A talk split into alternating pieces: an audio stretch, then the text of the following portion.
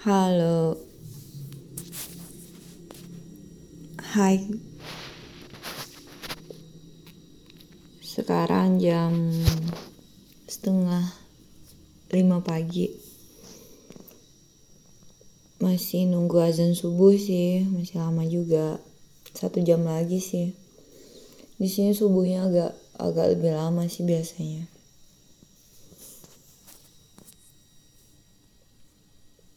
Jangan tanya kenapa aku kebangun jam 3 pagi terus aku nggak ada belum tidur lagi.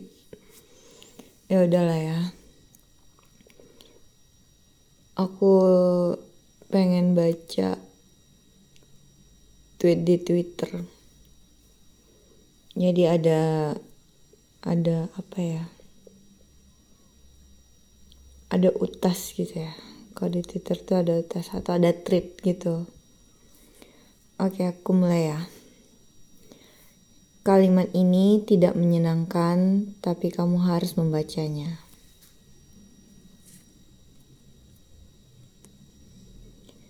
Kamu tidak bisa menggantungkan dirimu pada orang lain sepenuhnya. Apa pun alasannya, kamu harus punya pondasi kuat atas dirimu sendiri. Kamu tidak tahu kapan seseorang benar-benar pergi dari hidupmu. Dan hanya karena kamu tidak membutuhkan siapa pun saat ini bukan berartinya bukan berarti selamanya kamu tidak akan pernah membutuhkan siapa pun. Jika kamu belum pernah menangis atas kepergian seseorang atau bahkan atas kehilangan seseorang untuk selamanya, percayalah, kamu akan mengalaminya. Saat itu terjadi, saat duniamu runtuh, maka salah satu penguat yang akan membuatmu bertahan adalah kenangan. Salah satu penguat yang akan membuatmu tersenyum hangat adalah kenangan. Penderitaan terbesar datang dari pikiran kita sendiri. Saat kita diam dan terus-menerus memikirkan tanpa henti, membuka sosial media sebagai pelarian saat lalu kembali mengutuk diri kita sendiri. Justru saat kamu bekerja membuka laptop jam 9 malam, sesungguhnya kamu akan merasa lebih tenang. Justru saat kamu berjalan pulang dengan kaki yang terlalu lelah, sesungguhnya kamu merasa lebih tenang. Justru saat kamu berbincang dengan seorang kawan, hidup terasa lebih tenang. Berkali-kali kita diajarkan untuk memberi tanpa pamrih atau memberi dengan tulus. Tidak ada yang salah dengan quotes itu, bahkan sangatlah benar. Tapi jarang sekali ada yang mengajarkan untuk kita peka dan menghargai orang-orang yang memberi tanpa pamrih. Seolah mereka selamanya akan sabar dan ada sampai akhirnya kita benar-benar kehilangan mereka. Kebahagiaanmu sendiri juga perlu dipelajari agar di depan nanti kamu tidak bingung dengan dirimu sendiri. Kapan kamu bahagia? Kenapa kamu bahagia? Apa saja yang membuatmu bahagia? Bagaimana jika kebahagiaan itu hilang? Apakah saya benar-benar jujur dengan jawaban saya ini?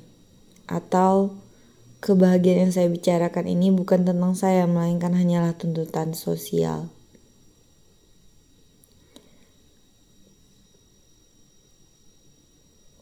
Udah, gitu aja.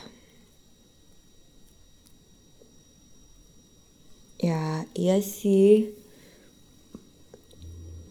Aku sangat setuju dengan bagian yang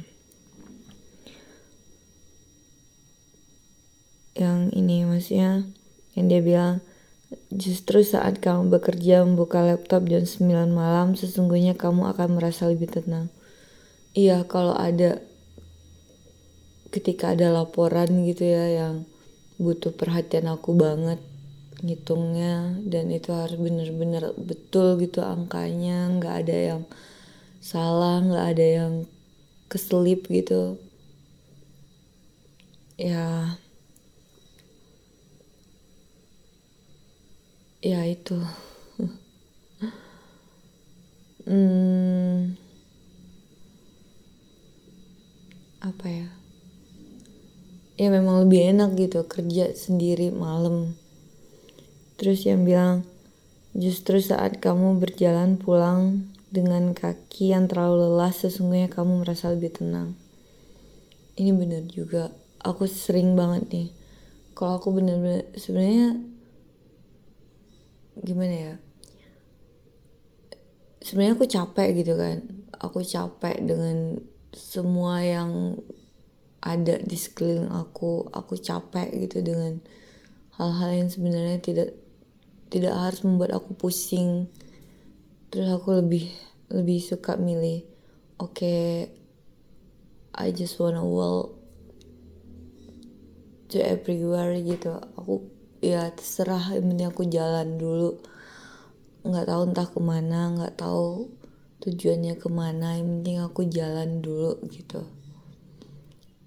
Ya walaupun sebenarnya langkah kakinya tetap menuju pulang ke rumah tidur gitu.